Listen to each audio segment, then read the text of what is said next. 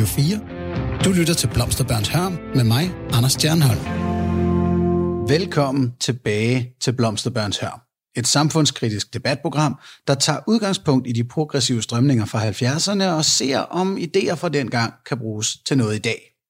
Vi har holdt en kort coronapause, men nu er vi klar igen. Denne gang optaget i mit hjemmestudie og via Skype-forbindelser til dagens gæster, de politiske veteraner Bertel Hårder og Mogens Lykketoft, hippie-veteran Karen Grohe og historiker Mogens Rydiger. For vi skal bruge en del tid på at huske tilbage til 70'erne i dagens program, for at se, om de minder kan hjælpe os med at håndtere nutidens største udfordring, nemlig coronakrisen. Jeg husker, når jeg læste Sten og Stoffer, øh, en af min ungdoms bedste tegneserier, at den lille seksårige Sten var noget så nævnyttig, når han skulle ud og gå tur med sine forældre og lave, eller lave andre sure pligter. Og hans far svarede det samme hver gang han spurgte til det. Altså hver gang han spurgte, hvorfor skal vi det her? Så svarede faren, fordi det styrker karakteren. Der er jo en mulighed for, at en krise som coronakrisen kan styrke vores samfundskarakter. Og derfor har jeg altså hævet fat i de her især stærke politiske karakterer, for at se, om der er nogle lektioner, vi kan bruge til noget. Fordi den her virus har lammet vores samfund. Når vi går udenfor, oplever vi tavse byer, gader og veje er næsten helt tomme for biler, og der hersker en usædvanlig ro over det hele. Dog afbrydes roen af en ængstelighed omkring, hvad krisen kan komme til at betyde for vores fremtid. Og så er det rart at tænke på, at Danmark tidligere har prøvet noget lignende. I 1973 udløste en krig i Mellemøsten en oliekrise, nærmest overalt i, i verden. De olieproducerende lande valgte at skære ned på produktionen, og prisen på olie steg 300 procent på en måned. Og flere lande, der støttede Israel i krigen mod blandt andet Syrien og Ægypten, oplevede sanktioner på deres olieimport. Det betød, at Danmark blev lammet på en række punkter, som altså minder lidt om nutiden. Mest berømt var de bilfri søndage, som kunne få Åboulevarden i København til at ligne en nordjysk motorvej. Er der noget at lære fra den gang? Det er altså det, dagens program handler om. Vi vil se på, hvordan oliekriserne ramte landet, hvordan de blev håndteret og hvad det medførte af ændringer. Alt sammen i håbet på at få nogle idéer og måske nogle trøstende perspektiver i en svær tid. I løbet af programmet her taler jeg med historiker Måns Rüdiger, hippie emeritus Karen Grohe, men vi starter lige med de politiske veteraner Mogens Lykketoft og Bertel Hårder. Radio 4 taler med Danmark. Og så har jeg Mogens Lykketoft og Bertel Hårder med fra altså henholdsvis Socialdemokratiet og Venstre, øh, to af de mest erfarne politikere i landet. Og også to mennesker, som jo var der dengang. Ganske vist var I ikke i Folketinget, da den første oliekrise ramte, men I arbejdede begge to med det politiske på det her tidspunkt. Øh, helt kort, Måns Lykketoff, hvordan oplevede du oliekrisen i 73? Ja, det havde jo lidt til fælles med det, vi oplever nu, at det var sådan lidt chokagtige forandringer i, i tilværelsen, og man vidste ikke rigtig, hvor det ville lande bagefter, fordi vi var jo, vi var jo ikke rigtig klar over i 73, om vi ville blive udsat for en egentlig olieboykot fordi øh, Anker Jørgensen var for Israel egentlig mente araberne, øh, oven på den krig, der havde været øh, øh, i, i øh, oktober i Yom Kippur-krigen. Så, så ja, det var, men, men på andre måder var det meget, meget anderledes selvfølgelig. Og sådan, ja, rent personligt tænker jeg så, altså det her med, at man lige pludselig ikke måtte køre om søndagen, eller at varmen, øh, der skulle spares på den og sådan noget, øh, erindrer du, om det var i, øh, en irritationsmoment, eller hvordan I håndterede det? Jamen, vi, det, vi håndterede det jo, prøvede at overholde reglerne. Jeg kom jo altså til at, at, at, at bryde dem en gang. Og det var, fordi jeg havde en NSU-prins, som ikke kører særlig hurtigt. Jeg skulle over med, med min øh, yngste datter til hendes mormor i Vestjylland, og jeg kørte og kørte og kørte øh, lørdag aften, og skulle være fremme inden kl. 24, for det må jeg ikke køre mere. Øh, det kunne de jo altså ikke trække til, den der lille bil, så, så jeg kom for sent frem, men jeg, har, jeg tilstår det først nu. Men, men, men det viser nogle af de, øh, de øh, vanskeligheder, vi havde med at overholde reglerne dengang. Jeg ved ikke, om, om bøde, bødefristen er forældet, eller så må jeg jo betale. Men Bertel, overholdt du alle reglerne? Ja, men uden stor lyst, fordi udover at der var bilfri søndag, så var der jo også en generel hastighedsbegrænsning på 80 km i timen. Og når man som jeg boede i Aalborg og var opstillet til Folketinget i Tisted-kredsen, så var det jo dræbende at skulle køre til Tisted så langsomt ind over vejlerne. Og når man så skulle hjem om aftenen, og der ikke var en kat på vejen, så skulle man snegle sig afsted mellem Tisted og Aalborg. Så jeg har fået min største afsky for, for langsom bilkørsel dengang. man skal jo køre efter forholdene. Men oh. forholdene, det var aldeles fortrængelige. Der var ikke en kat på vejen. Ja, det er jo også en nordjysk vej, jo. Men altså, jeg skal lige forstå, at ja. det er også lidt en, en lille tilståelse af, at det måske er gået hurtigere end hastighedsbegrænsningen? Ja, det vil jeg da håbe, for ellers så tror jeg, jeg var faldet i søvn. Radio 4 taler med Danmark. Således er vi altså i gang, og inden vi vender tilbage til Bertel og Mogens, så vil jeg tale med historiker Mogens Rydiger omkring, hvad oliekrisen egentlig var. Mogens Rydiger, du er lektor og historiker ved Aalborg Universitet og forfatter til bogen Oliekrisen, som udkom sidste år. Øh, vil du ikke starte med at forklare helt overordnet, hvorfor oliekrisen startede i 1973? Jo, det vil jeg gerne. Altså, den har sådan set to sider, øh, som hænger ret snævert sammen. Og den ene side, det er OPEC, de olieproducerende lande, ønsker at, at hæve prisen på olie. Prisen på olie har været ret lav konstant gennem 60'erne, og olieproducenterne de lægger et, et massivt pres på at, at få, at hæve prisen. Og øh, hvad hedder det, øh, i til, altså i, i uh, 1970, tror jeg, der, der, der nationaliserer Libyen olien og, og øh, er med til at, at presse prisen op. Der er nogle andre tiltag og sådan noget, som, som jeg ikke kan komme ind på her, men som, som gør, at OP sådan set har, har lidt vind i sejlene og nogenlunde stærkt, og, og øhm, altså formår at, at, at presse altså olieselskaberne og, og de vestlige lande på det felt. Den, det er det er, at, at øh, der er en, en langvarig konflikt mellem Palæstina og Israel, den er der jo sådan set stadigvæk, og i oktober 1973, der øhm, starter Jom Kippur-krigen, det er, hvad hedder det, øh, seks arabiske lande, der med, med Syrien spidsen, som går til angreb på Israel, og øh, i den forbindelse, der ønsker de øh, olieproducerende arabiske lande at, at øh, indføre en embargo, altså at stoppe tilførselen til de vestlige lande. Og det er, det er sådan en, en, øh, en gradueret sag, der betyder, at de starter med, jeg tror det er 20 procent eller sådan noget, øh, og så vil de hæve øh, øh, embargoen 5 procent hver måned. Ja, og uden at gå i detaljer med det, så, så vil man sige, at, at der er sådan set lagt op til et, et eskalerende pres. Og hvordan lammer det, hvordan rammer det Danmark? at Danmark er, er, er jo en del øh, af øh, modtagerlande, som, som bliver ramt. Øh, det rammer ikke Danmark særlig, øh, eller specielt hårdt, i, hvis man sammenligner med, med de andre lande, øh, i forhold til, hvor meget der bliver skåret ned på, på oliemængden. Men grunden til, at det rammer Danmark hårdt, det er, at 90 procent af den danske olieforsyning i 1973 bygger på importeret olie. Og langt det meste kommer fra med konfliktområdet. Så derfor kan man sige, at, at, at konsekvensen for Danmark bliver ret øh, voldsom. Og det, og det gør jo, at der bliver, man bliver nødt til at, at gennemføre en, en række øh, tiltag, som, som er rådet bod på, på øh, den trussel, der ligger der. Ja, og det er så det, vi skal ned i. Hvad, hvad var det for tiltag? Hvordan reagerede politikerne øh, til at starte med på den her oliekrise? Altså, igen kan man sige, der, der er to ben. Der er sådan et meget umiddelbart, så nu skal vi have rettet op på, uh, gjort noget så meget hurtigt, og så er der sådan et, et langsigtet. Og det hurtige, det er, at der bliver indført nogle restriktioner selvfølgelig. Øhm, ikke at de nødvendigvis er særlig hårdere, men, men der bliver lagt begrænsninger på, hvor meget øh, olie man kan købe, altså fyringsolie, og hvor meget petroleum man kan købe til øh, petroleumsovnen, og, og så videre, så videre. Der bliver også opfordret, folk bliver opfordret til at øh, isolere meget bedre, end, end øh, de har gjort tidligere.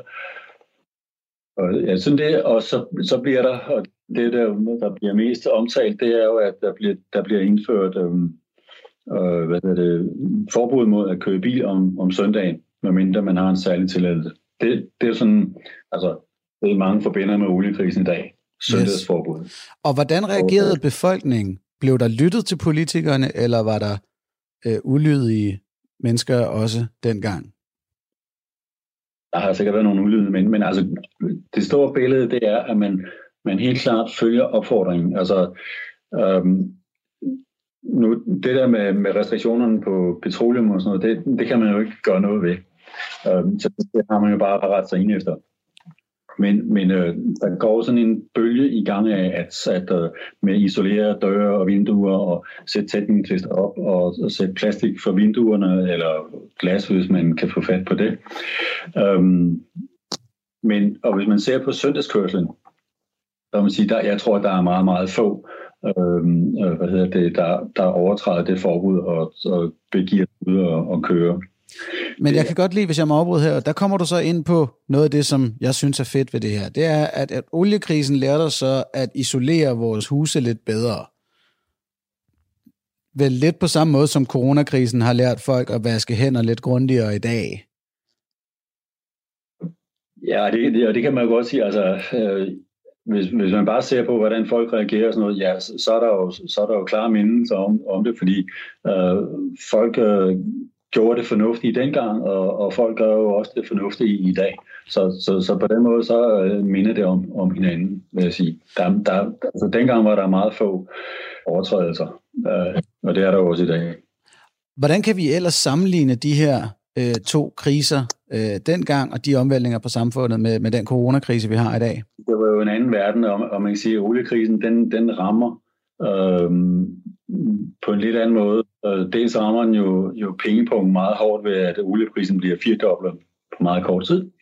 Ellers så, så kan man sige, så, så rammer den jo langsomt. Hvad hedder det, priserne øh, giver jo øh, godt nok hurtigt, men, men, men, men altså, det er jo ikke, det er jo ikke en, pri, en krise, der, der lægger hele samfundet dødt på, på nogen som helst måde. Altså øh, aktiviteten kan, kan foregå, det koster noget mere, men, men, men det er sådan set det, ikke? bortset fra de kørsel. I dag, der, der kan man sige, der er jo, jo lagt, øhm, øh, lagt øh, samfundet er lagt ned. Altså, der hvor man egentlig, hvis man nu egentlig skal lave sådan en, i hvert fald en visuel sammenligning, så kan man sige, at at den, den manglende søndagskørsel, den, den gjorde, at selvfølgelig at der ikke var på vejene, og at man kunne være rundt med barnevognen midt på, midt på vejene og så videre. Så, så, så på den måde er der nogle, nogle ligheder med det, øhm, for, men, men det er så meget visuelt, og så kan man sige. Og hvad, hvordan ændrede samfundet sig efter den gang? Øh, nu var der jo to oliekriser. Øh, vi fik en senere i 79. Øh, havde folk lært af den første, sådan så den anden ikke kom til at ramme så hårdt? Altså, ja, den anden den ramte hårdt, men, men øh, den ramte ikke så hårdt øh, så, som, som den første. Og, og det, var jo, det var jo dels fordi, at, at folk generelt blev opmærksom på at isolere øh, husene, at, at øh, der var kommet sådan i hvert fald på vej øh, en, en højere effektiv, effektivitet i hele systemet.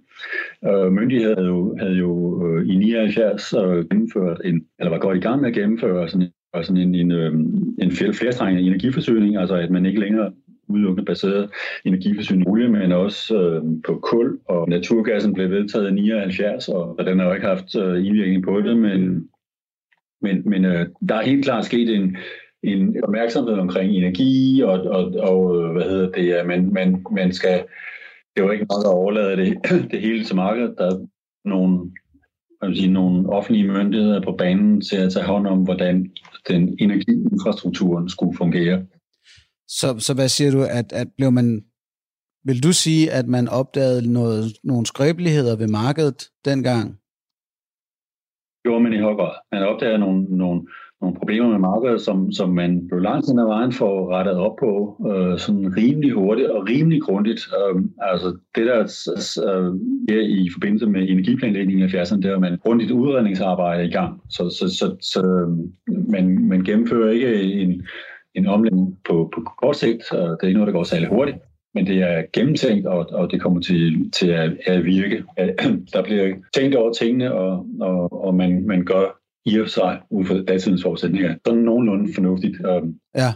Øhm, Men det lyder som om, ja, man får lappet hullet på, på det tidspunkt. Det jeg tænker på her, er, at nu er der nogle øh, biologer og andre øh, kløgtige epidemiologer, der går ind og siger, at, at vi kom, vil nok komme til at se flere pandemier af den her art, måske ikke lige så alvorlige, men nogle af, af den her art, sådan som vi lever i dag og med en varmere planet. Øhm, ser du som historiker håb for, at sådan nogle her kriser, de lærer sig i os som samfund, og at vi husker at lære af dem, og at vi derfor måske også kan blive bedre rustet til de næste pandemier? Ja, det tror jeg bestemt. Det tror jeg bestemt. Øh, øh, der er nogle, nogle, nogle lærer af, af både, både krisen, oliekrisen dengang og, og pandemien i dag, at, at, øhm, at en, ordentlig, en ordentlig offentlig sektor er, er, en, er en vigtig ting, øhm, hvis man skal håndtere sådan nogle situationer. Øhm, jeg vil også øh, sige, at, at øh, altså dengang kan man ikke sige, at, at øh, demokratiet blev diskuteret på, eller hvad sige, det, det offentlige rolle i, i forhold til øh, det enkelte menneske bliver diskuteret særlig meget. Det bliver det mere i dag, og det tror jeg også, det er en, en, en sund diskussion at, at tage i forbindelse med, at der bliver gennemført så drastiske tiltag, som er gjort den her gang. På den måde adskiller den her krise sig helt klart fra oliekrisen ved, at det er meget mere drastisk, og at det er meget mere indgribende, end, end det var dengang. Kan du være lidt mere specifik, hvad du, hvad du tænker, den debat der går ud på? Nå, men jeg, jeg, jeg tænker på, at det, det er jo vigtigt for, at, at øh, man kan sige det sådan lidt populært, at demokratiet ikke bliver forsvaret ved at sætte det ud af kraft. Altså, altså at, at øh, man, man sikrer sig, at man vender tilbage til et, et øh, normalt og velfungerende demokrati, øhm, og ikke øh, overlader alt for mange øh, muligheder for, for det offentlige til at, til at øh, altså komme for tæt på, på borgeren Det at gribe ind i øh, for eksempel i ejendomsrettens øh, ukrænkelighed og, og sådan noget. Og det, det, øh, det er jo nogle diskussioner, man har løbende. Man har også haft det i forbindelse med, med miljølovgivningen i 90'erne. Og, og, men, men jeg tror, jeg tror det, er en, det er vigtigt, at der bliver reageret hurtigt og grundigt, og jeg som i sådan nogle situationer, som vi har nu, men det er også vigtigt, at man holder om øh, demokratiets øh, øh velfungerenhed øh, i K. Yes, og hvad husker du øh, den, eller det er ikke noget spørgsmål om husker, men det har du forsket i det her. Altså var der noget efter oliekriserne, hvor at man omgjorde lovgivning, der var lavet i krisetiden, øh, sådan for at sikre de der rettigheder, du taler om? Ja, har, nej, øh, ikke, ikke så meget i forbindelse med, med, øh, med, med hvad hedder det, øh, omlægningen i infrastrukturen, men, eller energiinfrastrukturen. Nej, i forbindelse med miljølovgivningen. Altså, der, det eneste sted, hvor man kan sige, at der har været, der har været lidt øh, diskussion, noget diskussion, der har jo været i forbindelse med, med naturgasnettet, hvor, hvor der blev proprieret ret meget øh, jord undervejs, fordi øh, der skulle øh, bruge jord til at, og, hvad hedder det, eller, øh, jord til at få, få skabt nettet på, til at, at lægge nettet ude på. Det har selvfølgelig givet nogle diskussioner, men, men man kan sige, at der var ikke nogen, der var ikke nogen grundlæggende demokratiske problemer i det, fordi øh, det er nogle gange til, at eksproprieret øh, i Danmark. Alright. Mogens Rydiger, tusind tak for, øh, for den hurtige øh, historiske lektion til os. Det var så lidt. Men hvordan så hippierne så på oliekrisen?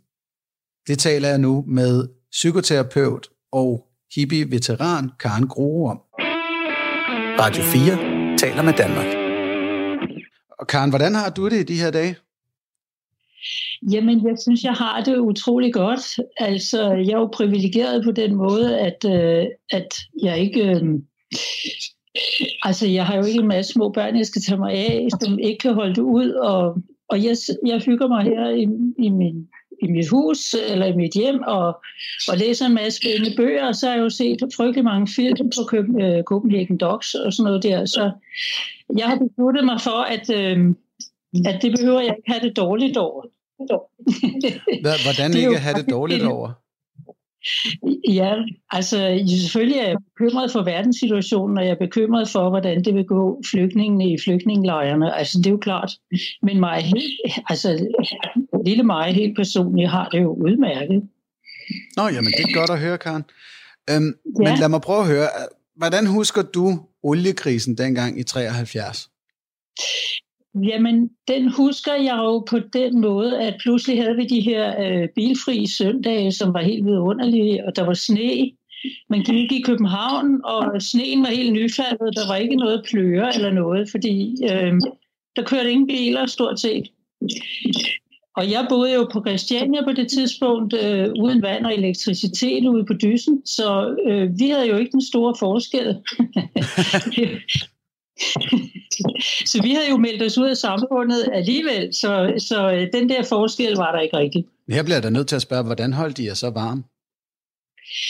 Øhm, altså, vi øh, faktisk brøs ret meget, men, øh, men, vi, men vi havde nogle ovne, som i øvrigt røg rigtig meget, fordi vi havde jo ikke særlig meget viden om, hvordan man skulle lave en ovn, sådan at den ikke røg. Så øh, jamen, vi frøs, og vi, øh, og vi havde så nogle, nogle øh, brændeovne.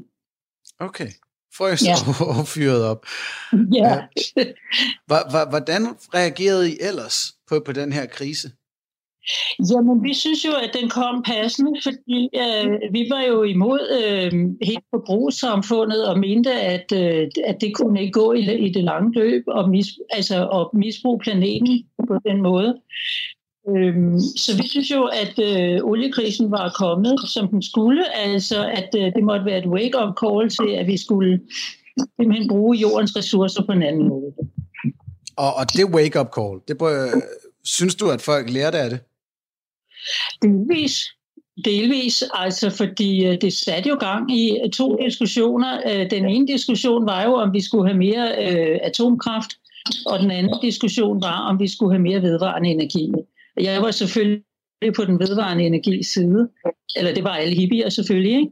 Øh, og det satte jo meget gang i hele den forskning, altså, øh, og hele den tankegang. For eksempel inde på akademiet var der en gruppe, der hed Freja, og de, øh, de undersøgte alt muligt, der var omkring de ting, og, og det var jo en del af hippiebevægelsens øh, tankegang, at man skulle lave nogle mindre samfund, altså sådan mere øh, andelsbevægelse, tilbage til andelsbevægelsen, og, og, og så netop øh, finde ud af at lave noget vedvarende energi og ikke forbruge så meget. Ja, og altså energidebatten, den har vi så også vendt her i programmet. Der kan jeg anbefale lyttere, der sidder med podcasten lige nu, og sige, at der kan I, I se vores program om atomkraft. Øhm, ja. Men det her med mindre forbrug, ja. synes du, at den lektion fæs ind på lystavlen hos folk? Hos nogen, men ikke, ikke generelt, fordi at øh, man kan sige, at samfundet vil jo bare gerne i gang med at producere igen, og lave en hel masse. Ikke? Og det, det er jo sådan set fortsat. Ja. Der er jo så kommet øh, nogle, nogle tanker omkring øh, cradle to cradle og alt sådan noget, hvor at man ligesom lader det cirkulere. Um, altså råstofferne ligesom kan komme til at, at cirkulere og sådan nogle ting. Det var jo ikke fremme dengang på samme måde, men selvfølgelig en del genbrug. Altså jeg, jeg levede af at sy tøj dengang, og, og vi syede jo tøj af gamle gardiner og alt muligt, altså, som blev smadret flot, men øh, vi tænkte jo, at øh, altså, det her forbrug skulle simpelthen ned. Ja. Så på den måde mente vi, at oliekrisen var, var kommet for at blive nærmest. Ikke? Det gjorde den så ikke. Men Nå, havde du ligefrem håbet, den ville fortsætte? Øh, nej, altså vi vidste jo godt, at altså, vi var godt klar over, at den, den betød problemer for rigtig mange mennesker, og de, og de problemer var man jo ikke så glad for, men, men man havde da håbet, at, at øh, Vesten lagde om, altså at, at den vestlige kultur lagde om, fordi vi vidste jo godt, at, at øh, at vores kultur forbrugte rigtig mange ressourcer fra, fra øh, andre kontinenter, og det synes vi var forkert.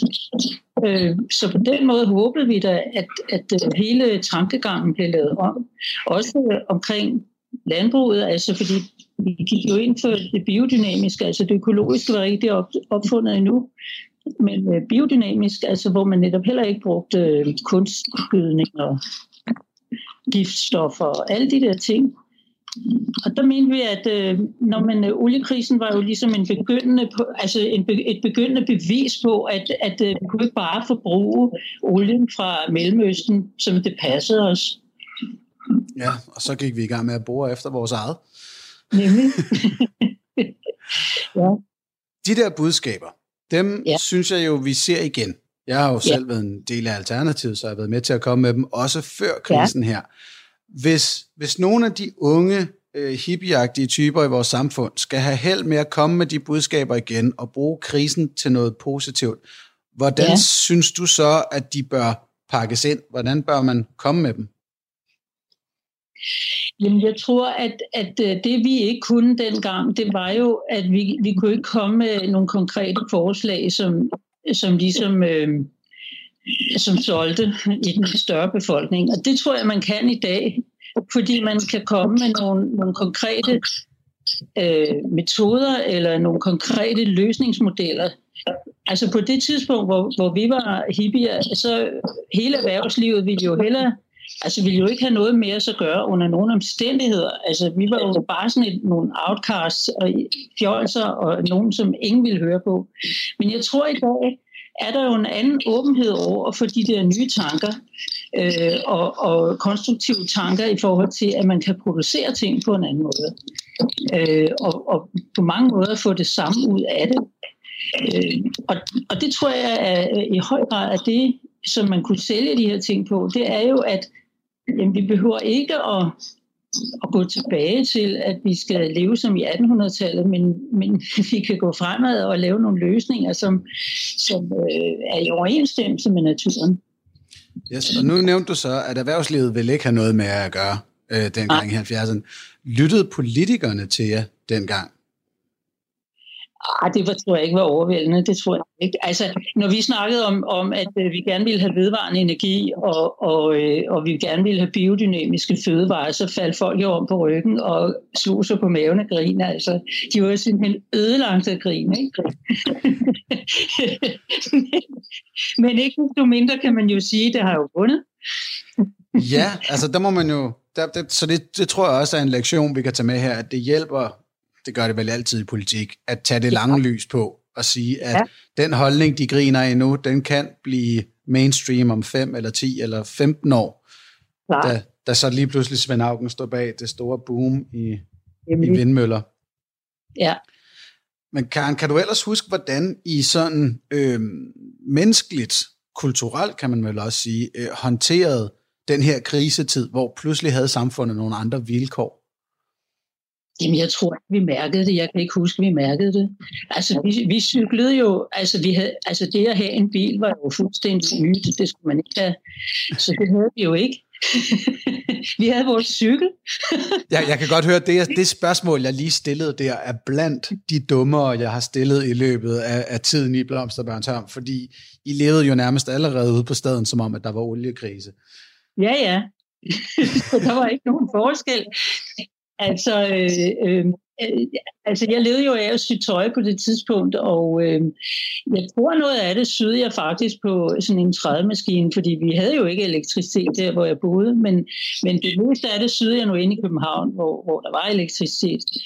Men det er jo meget lidt elektricitet, vi brugte. Altså vores, vores privatforbrug var jo så minimalt, som man tror, det er løgn. Altså, så, så vi mærkede jo ikke den store forskel. Det gjorde vi simpelthen ikke. Men kan du så huske, det, det vil så være en undren for mig, var der så nogen, der ligesom kom til jer for gode råd til, hvordan de kunne leve mere sparsomt?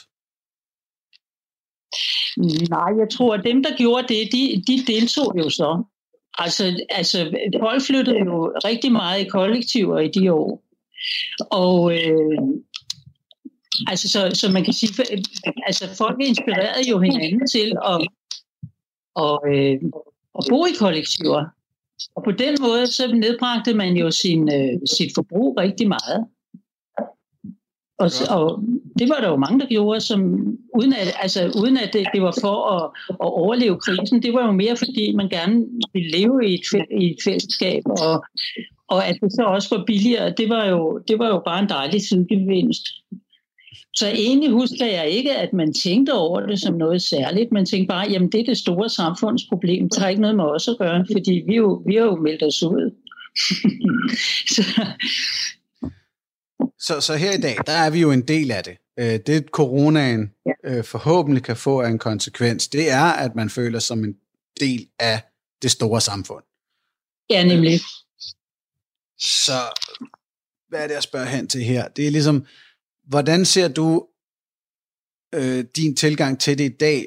Hvad får coronaen dig til at tænke over som samfundsborger?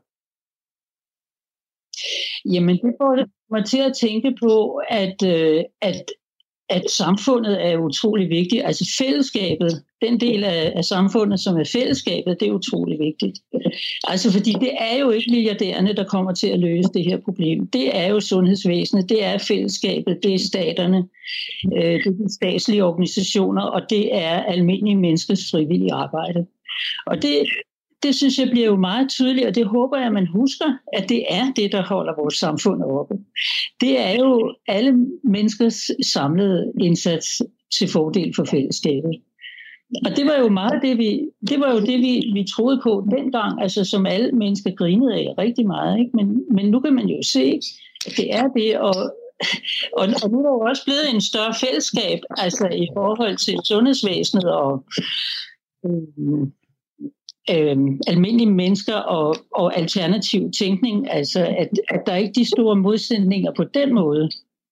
Altså selvfølgelig er der nogle modsætninger i forhold til, at, at, at hele sundhedsvæsenet kører på, på kemikalieindustriens præmisser. Øhm, det var jo en af de ting, vi var imod, og stadig er, ikke? Yes. Og det, det, den tror jeg, vi, vi, vi gemmer til det et andet tidspunkt. Det historie, ikke? men men jeg, det, det, det, det er det spørgsmål, vi nu bringer videre til uh, Bertel Hård og Mogens Lykketoft. Det er det her med, jamen, viser de her kriser os, at staterne, som den måde, vores fællesskab er organiseret på nu, er noget, der skal understøttes noget mere fremover, for at vi kan klare de her kriser øh, fremover. Ja. Karen Gro, tusind tak, fordi du var med, og øh, fortsat god øh, karantæne. Ja, tak i lige måde. Hej igen. Hej igen. Og så tilbage til Mogens Lykketoft fra Socialdemokratiet og Bertel Hårder fra Venstre, om hvordan de ser den politiske håndtering af den her krise. Blomsterbørns Hørm med Anders Stjernholm. Mogens Lykketoft, du var en del af en socialdemokratisk tænketank, da, da de ramte Øh, husker du, at I håndterede det korrekt? Ja, det havde jeg så ikke øh, rigtig noget med at gøre, at man gjorde, men jeg synes, man, man gjorde, altså der var, jo, der var jo, som vi også oplever det nu, sådan en meget stor folkelig opbakning til, når vi er nødt til at gøre noget helt andet, end vi plejer at følge nogle regler. Og en af dem, der blev vældig populær på det lige i de første uger, det var jo den daværende handelsminister, Allen Jensen, han, han, han blev et stort fjernsynsstart ved at gå ud og forklare, hvorfor man skulle have alle de her nye restriktioner. Og hvad ja, det husker jeg selvfølgelig. Ja. Og så husker jeg også, at Anker Jørgensen holdt nytårstale i sweater og citerede Kim Larsen, det er en kold tid, som vi lever i. Ja. Og, og der var topmøde på Christiansborg, hvor der ikke rigtig var opvarmet. Så det var meget grænseoverskridende. Men her tænker og, jeg så på... Og følte virkelig, at nu kom der en ny tidsalder. Ja, fordi Bertel Hårder, på og det her tidspunkt, der var du jo... i os alle et brændende ønske om at blive uafhængig af den arabiske olie, og det er vi jo heldigvis næsten ved nu. Ja, og Bertel, du var øh, folketingskandidat på det her tidspunkt, og jo fra, fra oppositionen. Så kan du huske, om du tænkte, at der var nogle ting, den socialdemokratisk ledede regering gjorde forkert? Nej, jeg husker fuldstændig ligesom, ligesom øh, Mogens, så husker jeg øh, handelsminister Erling Jensen som en meget myndig og, og faderlig leder af denne krise. Og øh, det, det tror jeg alle var trygge ved. Altså, sådan er vi danskere jo. Når der er nogle problemer, der er fælles, så kan vi også godt stå sammen, uanset hvem der leder landet. Alright, jamen det er jo øh, en, en ambivalent fornøjelse for mig så som debatvært at tænke, tænke, så er der en hel time nu, hvor vi bare har hyggestemning. Men hvis jeg lige må få noget til, øh, ja. Øh, så, var, så var hele det her bilfri søndag og, og hastighedsgrænse og kulde på Christiansborg og Anker Jørgensen, der taler i sweater.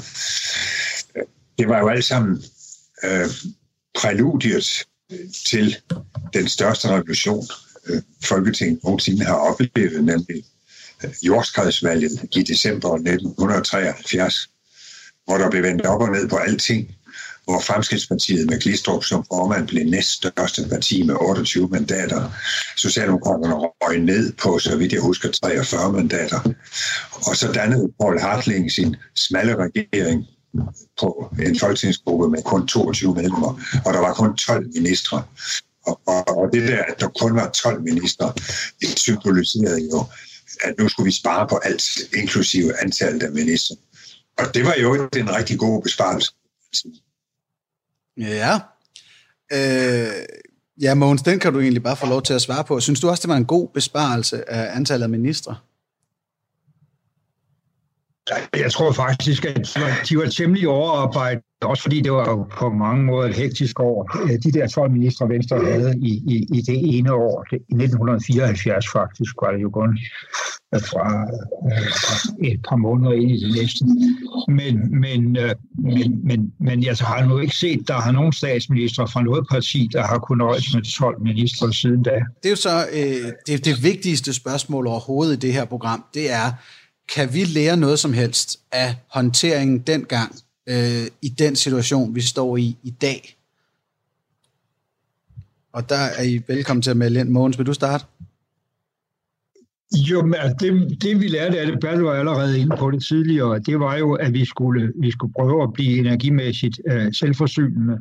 Og derfor gik man jo i gang med dels at, at, at, at snakke om at udnytte naturgassen derude fra Nordsøen, og i det hele taget få en større aktivitet i gang for at bore efter olie og gas i Nordsøen. Så det, fuld, det, det bliver fuldt op efter nogle år af, af aftaler. Den med naturgassen, den blev fuldført, da vi havde den korte SV-regering i 1978-79 anlægget af et naturgasnet, så vi kunne udskifte de gamle oliefyr med, med naturgas rundt omkring i landet. Øh, og så kom jo hele diskussionen om den gamle øh, koncession, den gamle aftale, man havde lavet med Pem Møller om, om at udforske på Nordsøen, om den var god nok, om ikke der skulle gives nogle arealer tilbage og sættes nogle konkurrenter ind, og, og, og også i lyset af øh, de enorme fortjenester, der pludselig blev på olie. Olieprisen blev firdoblet øh, i, allerede i den første oliekrise, øh, at, at der så skulle ydes et større bidrag fra dem, der havde fået lov til at udnytte øh, Nordsjøolien. Så det var nogle af de der, som vi, vi, vi drog af det, og, og vi blev jo faktisk øh, stort set selvforsynende med olie og gas øh, i løbet af nogle år på, den her, på det her grundlag. Ja, der skete jo det paradoxale, at vi, vi, øh, vi startede det her naturgasprojekt som jo på mange måder var urentabelt. Og til gengæld så skrottede vi Storvældsprojektet, som i høj grad var rentabelt. Ja, rentabelt, men det ja. Men det skyldes jo, at, at man dengang så ind i en fremtid, hvor, hvor vi var nødt til at gøre noget mere for at blive selvforsynende. Og øhm, så det var simpelthen selvforsyningspolitik, at vi satte på naturgas i stedet for på en storvældsbro. Og jeg var selv med til sammen med Henning Kristoffersen og Nibo Andersen og Knud Engård og Elisabeth Petersen, vi fremsatte et forslag til folketingsbeslutning om at udskyde bygningen af Storvældsbroen. Dengang skulle der være både biler og tog over vandet. Et kæmpe projekt, og øhm, mange af vores partifælder var sure over det, men det var os, der fik ret. Vi fik det stoppet, og så fik vi jo et meget bedre projekt 20 år senere. 10 år siden. Nu skulle jeg faktisk lige til at spørge Nej, 20 år siden. Fordi der må jeg erklære min, min uvidenhed. Øh, ja, der var den færdig. Og, og muligvis ja, ja, ja, den færdig. Ja, ja, ja, ja. ja. Der skal jeg lige høre, altså, så, så der var egentlig et Storebæltsbro-projekt, som blev udskudt. Øh, og ja. til trods for, som du siger, Bertel Hårder, at det var et politisk rentabelt, øh, økonomisk rentabelt projekt, så var det stadig den rigtige beslutning at udskyde den. Hvorfor? Jamen, vi var usikre på, om der ville være noget brændstof øh, for bilerne at køre på, og, og, og derfor så var det altså forsyningssikkerhedsmæssigt bedre at anlægge et naturgasnet. Og hvis jeg ikke husker forkert, så var det det, der var krumtappen i den SV-regering, vi fik i 1977. Øh, den havde en stemmes flertal ved hjælp af en skibsredder Asger Endinger, som, som blev løsgænger, så havde de en stemmes flertal, og den regering var jo den store fiasko, men den fik altså stoppet Storbælts forbindelsen, og den fik startet naturgasprojektet. Og hvis nok i øvrigt også efterlønsordningen, som så ja. Lykketoft døde med mange år senere. ja, og som vi nok fortrød ret hurtigt efter, ikke? Som, ja, det gjorde. jeg overhovedet havde medvirket til. Men, men, men, øh, men man, man må vel sige til, øh, til øh, det med Storebæltsbroen to ting. Det ene er, det var jo formentlig dengang også et rentabelt projekt, men, men til Venstres forsvar kan man jo sige, øh, at det var man ikke så sikker på, som man efterfølgende har kunnet, kunne se, det var. Øh, men det andet var vel lidt det, at øh, man synes, det var nødvendigt at vælge mellem to store infrastrukturprojekter. Øh, og, og, og det var måske i virkeligheden også fordi, på det tidspunkt havde vi stadigvæk, døjede vi stadigvæk med meget høje renter, øh, og, og frygten for, hvad, hvad, hvad statsbudgettet kunne klare af den slags, var jo meget mere nærværende, når man havde renter på 15, 16, 17, 18, 19 procent, øh, som man havde der i slutningen af 70'erne og begyndelsen af 80'erne. Øh, hvor i dag vil jeg jo sige, at hvis man har to gode offentlige projekter, så gør det derfor pokker. Hold nogle folk i arbejde, forbedre infrastrukturen, de betaler sig selv. Øh, men nu kan staten jo altså også låne til, til 0 procent. Og hvad, er du enig her, Bertel Hård, bør, bør vi opføre os som en rapper på en stripklub og bare kaste om os med penge og, og gå helt keynesiansk på den efter sådan en krise her? Jamen, jeg er helt enig med Morten Lykketoft i, at dengang så var det forfærdeligt dyrt at, at bygge nyt.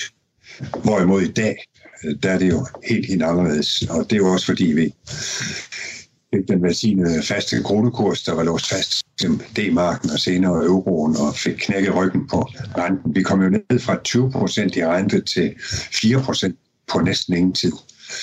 Så det er en helt anden verden, og det er også derfor, vi kan meget bedre tåle de stød, som coronakrisen giver fordi vi er et rigtig solidt papir og kan låne penge billigt. Og derfor har Venstre tilfældigvis også netop i dag foreslået, at vi sætter gang i nogle statslige anlægsprojekter. Og det kan jeg forstå, at jeg har løst støtte til. Det, det er ikke om, jeg kender ikke de konkrete projekter, men det er, at vi skal sætte mere gang i, i det øh, i en tid, hvor vi vil få i hvert fald overgangsvis alt for stor arbejdsløshed. Det, det tror jeg, vi er enige om.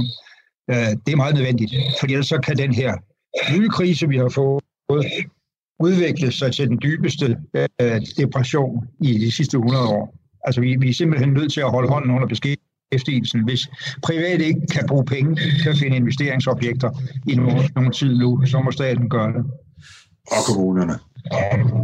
Og kommunerne, naturligvis, ja. Så er der så en tredje aktør, som jeg vil spørge jer til, og det er jo den, den private forbruger. Fordi øh, hippierne dengang under oliekrisen tænkte, det er lige præcis det, de havde brug for til at komme med deres budskab om, brug nu noget mindre, køb noget mindre, lev mere simpelt.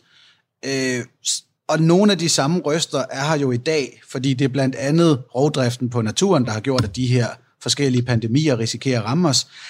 Er det en farlig vej at gå, hvis økonom, de økonomiske hjul skal, skal i gang igen? Eller bør vi faktisk se på at sænke det, det private forbrug? Det er rigtigt, at dengang foregik det hele jo i skyggen af grænser for vækstdebatten.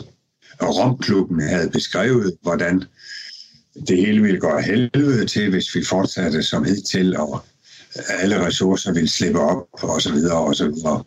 Men så kom jo heldigvis øh, Brundtland-korten opkaldt efter den norske statsminister, Gro Harlem Brundtland, som jo så fik drejet debatten over i retning af, at man godt kan have vækst og holdbarhed samtidig. Og det er jo det, der er mantraet i dag. Holdbar vækst. Ikke nulvækst, men holdbar vækst. Og det fastholder du, Bertel Hårder, det kan vi også godt uh, gøre i dag. Hvad siger du? Undskyld. Og det fastholder du, at det kan vi også godt gøre i dag. Uh, Ja, det er det, det dummeste, vi kan gøre, det er at sætte væksten i stå. Altså, det er innovation og fornyelse, der skal til og man kan let få et større nationalt produkt og samtidig et mindre energiforbrug og mindre forbrug af andre ressourcer. Det er jo det, vi ved nu. Men dengang, der var der mange kloge mennesker, som lavede fremskrivninger, der viste, at øh, i løbet af få årtier, så ville der hverken være olie eller kul eller noget som helst tilbage. Og derfor vil det hele gå ned til. Men problemstillingen nu om dagen, er jo en, en helt anden, øh, også for, for, forstået på den måde, at vi ikke står i tvivl om, at der er olie, kul og gas rigelige mængder, jo længere vi går ud i bjergene og ned i haven. Men vi ved bare, at vi må ikke bruge det. I løbet af de næste 30 år skal vi have gjort det bæredygtige energiforsyning meget mere effektiv og meget billigere, så den udkonkurrerer olien. Øh, og det kan, vi, det kan vi jo formentlig kun gøre ved hjælp også af vores afgiftssystemer. Øh, og der er en hel masse beslutninger, der skal træffes her. Og der kan man sige, at coronakrisen vil helt sikkert ramme en række erhverv med ret lang øh, efterslæb, også når vi er færdige med at internere hinanden. Øh, og, og der gælder det om så til gengæld at gribe muligheden for at sætte alle investeringer i gang, både i det offentlige og hos virksomhederne, som bringer os i retning af den form for vækst, som er bæredygtig, som tilskynder alle, der skal investere til, der er bæredygtigt, fordi det bliver billigere, det bliver mere attraktivt, mens det, som er baseret på den såkaldte sorte økonomi, på olie, kul og gas, det skal blive dyrere, og det skal fases ud. Så det er en stor omvæltning. Ja. Og det er jo interessant at bemærke, at mens vi dengang jo altså var plaget af voldsomt stigende energipriser, øh, så har vi i dag de laveste oliepriser, vi har haft i 20 år, tror jeg. Den var nede på 9,09 per liter benzin, og det er jo næsten afgifter alt sammen. Altså, ja, ja. verden oplever jo faldende energipriser, og det er jo utrolig positivt. Men Måns Lykketoft, øh, du er så inde ja, på den her... Det er det både og jo. Det er jo positivt på den måde, så kan vi lægge nogle afgifter på det, uden at folk ser slået væk. Men, ja. men Måns Lykketoft, hvis jeg lige sådan er mere konkret, altså du er jo øh, på en fløj af dansk politik, hvor der efterhånden er en, en række unge øh, folketingsmedlemmer og unge bevægelser, der taler for at sænke forbruget, øh, købe mindre kød, og man ikke har brug for en ny fladskærm osv. Øh, hvad bør man gøre, når, når den her krise er overstået, bør vi, bør vi gå ud og, og opdatere vores tv, købe en ny skærm og så videre og bruge penge, eller skal vi egentlig fortsætte med at slappe af, og så lade staten om at bruge penge? Der er ingen tvivl om, at staten skal bruge flere penge i de nærmeste år, både på at holde hånden under beskæftigelsen og få sat speed på de infrastrukturinvesteringer, staten står for, som har at gøre med at få en energiforsyning og et trafikmønster og en byplanlægning og en affaldshåndtering, der gør os mere bæredygtige. Men det er også klart, at øh, det, at vi får kun gang i økonomien igen efterhånden, som de private virksomheder og øh, borgerne genvinder en form for humør. Så er det bare et spørgsmål, hvad vej skal det bevæge sig? Hvad er det for noget, øh, vi skal gøre? Øh, hvad er det for et forbrug, der er bæredygtigt? Fordi at jeg i, at vi skal ikke, vi skal, vi skal ikke have nulvækst, men vi skal have en anden form for vækst. Og der er tre betingelser. Det ene det er, at vi kan inden for meget kort øh, overmål, 30 år, helt holde op med at bruge olie, kul og gas. Det andet det er, at vi kan lære os de teknologier og systemer, der skal til at gøre alt det, vi smider væk, øh, genbrugsegnet. Og endelig, så skal vi jo altså plante ufattelig mange fjertræer, vi fælder. Hvis vi kan lave sådan nogle helt grundlæggende ændringer i vores adfærd, så er der plads til vækst. Så er der plads til vækst øh, en bæredygtig vækst. Godt, og det er jo så en meget kon- kontrolleret og vi skal vækst. Jo have vækst. Vi skal jo have vækst i de produkter, som er bæredygtige. Altså, ja. så skal vi have en endnu større oplevelses- og kultursektor, hvor folk jo betaler for noget, der overhovedet ikke forurener. Så der er ja. uendelige muligheder for større aktivitet, større livskvalitet, større nationalprodukt uden at det behøver at belaste jordkloden. Okay. Ja, og det, man skal satse mere på uddannelse og på sundhed, og vi skal investere mere i vores sundhedsvæsen, finder vi lige pludselig ud af. Uh, det, det, det er jo heller ikke noget, der forurener.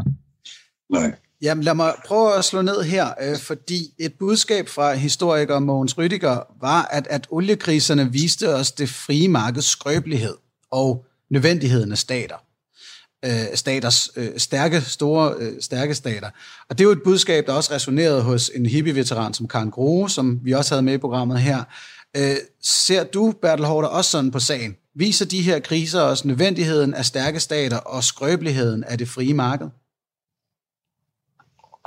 Ja, en stat, som er stærk nok til at klare de ting, som, som kun staten kan gøre. Den behøver ikke blande sig i alting, men på visse områder så skal den være stærk, og også stærkere end det, vi kender i dag. Og det samme gælder jo et EU, som heller ikke skal blande sig i alting, men som inden for nogle centrale områder burde være langt stærkere, øh, end den er i dag. Og så vil jeg da ønske, at man i den tredje verden, især i Afrika, havde nogle stærke stater, som for eksempel kunne sætte i gang i nogle familieplanlægningsprogrammer og kunne sørge for, at alle kvinder har adgang til prævention, og at de selv bestemmer, hvor mange børn de vil have.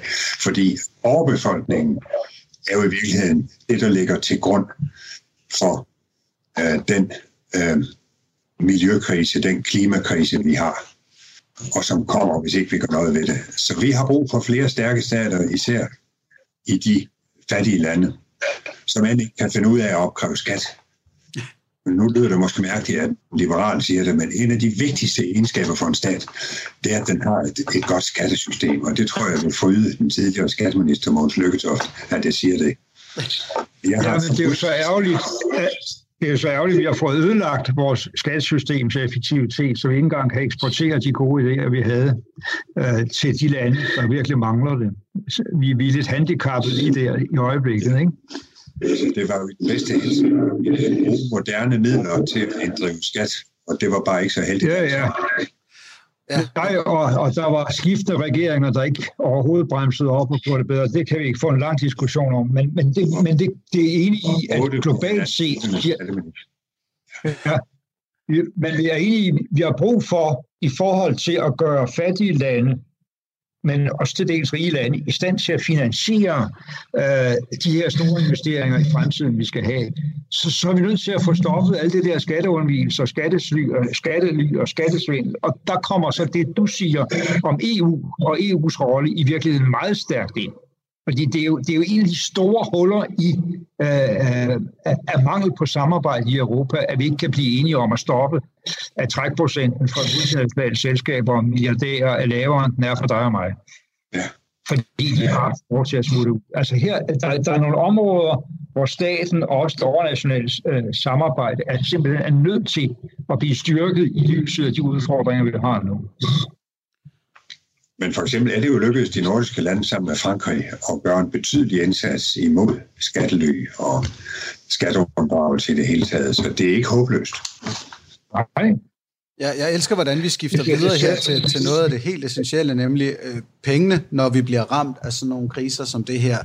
Øh, fordi øh, pessimister inden for epidemiologi går ind og siger, at det her er ikke sidste gang, at vi bliver ramt af en, en global pandemi. Hvis Danmark og Europa og vores nærområder her skal være stærke nok næste gang, at en coronalignende virus eller noget, der minder, rammer os, hvad er det så, vi skal nå at forbedre? Vi skal styrke vores beredskab over en bred bank, og det har vi desværre svækket over de senere år, og nu har vi fået en kæmpe nærstreg. Så, så det bliver noget med at have lager nok til kommende epidemier. Vi kan jo ikke undgå, at de kommer, men vi skal have et beredskab, så sundhedsvæsenet kan bære det. Og hvorfor kunne sundhedsvæsenet, øh, eller hvorfor kan vi risikere, at sundhedsvæsenet ikke kan bære det i den her omgang? Hvis skyld er det? Man behøver bare at se på Italien og Spanien og, og Wuhan i Kina. Altså det er det der med, at der er flere døende mennesker, end, end der er hospitaler, der kan tage sig af dem, og så får man frygtelige tilstande, som, som vi i Danmark er villige til at betale ufattelige milliardbeløb for at undgå. Det er jo det, vi betaler for at undgå. Men det, du vi siger nu, ikke... Bertel Hårder, er det, at, at vi skal til at stoppe den her sparepolitik øh, inden for den offentlige sektor? Ja, nu har sundhedsvæsenet jo altså fået øh, store ekstra beløb hvert eneste år under skiftende regeringer, og det vil de bare blive ved med at få. Det er der ingen tvivl om. Men det kommer til at handle om at have store lager af beskyttelsesdragter og masker og øh, hjertemaskiner og, og lungemaskiner og sådan noget. Altså man bliver nødt til at have en overskudskapacitet liggende, hvis man skal undgå noget af det her næste gang, der kommer en udfordring, vi ikke har nogen vaccine imod. Det er jo det, vi har lært af de sidste uger, øh, og, og, og det som er gået helt, helt, helt øh, til, øh, til havs i Italien og Spanien, og vi gøre det, er jeg bange for i USA også. Godt, så har vi i hvert fald fået de lektioner på plads. Øh, Mogens, Lykke, Mogens Lykketoft og Bertel Hårder, tusind tak, fordi I var med i Blomsterbørns Hørm. Det var spændende at være med. Selv. Tak. Ja, tak for det. Det var Blomsterbørns Hørm for denne gang. Jeg beklager meget øh, den svingende lydkvalitet. Jeg håber, at de her forskellige guldkorn stadig øh, kunne høres og fanges derude. I redaktionen er Bjarke Stenter, Rasmus Søgaard Thomsen. Mit navn er Anders Stjernholm, og jeg håber, vi lyttes ved igen på torsdag i Blomsterbørns Hør. Du lytter til Blomsterbørns Hør med mig, Anders Stjernholm.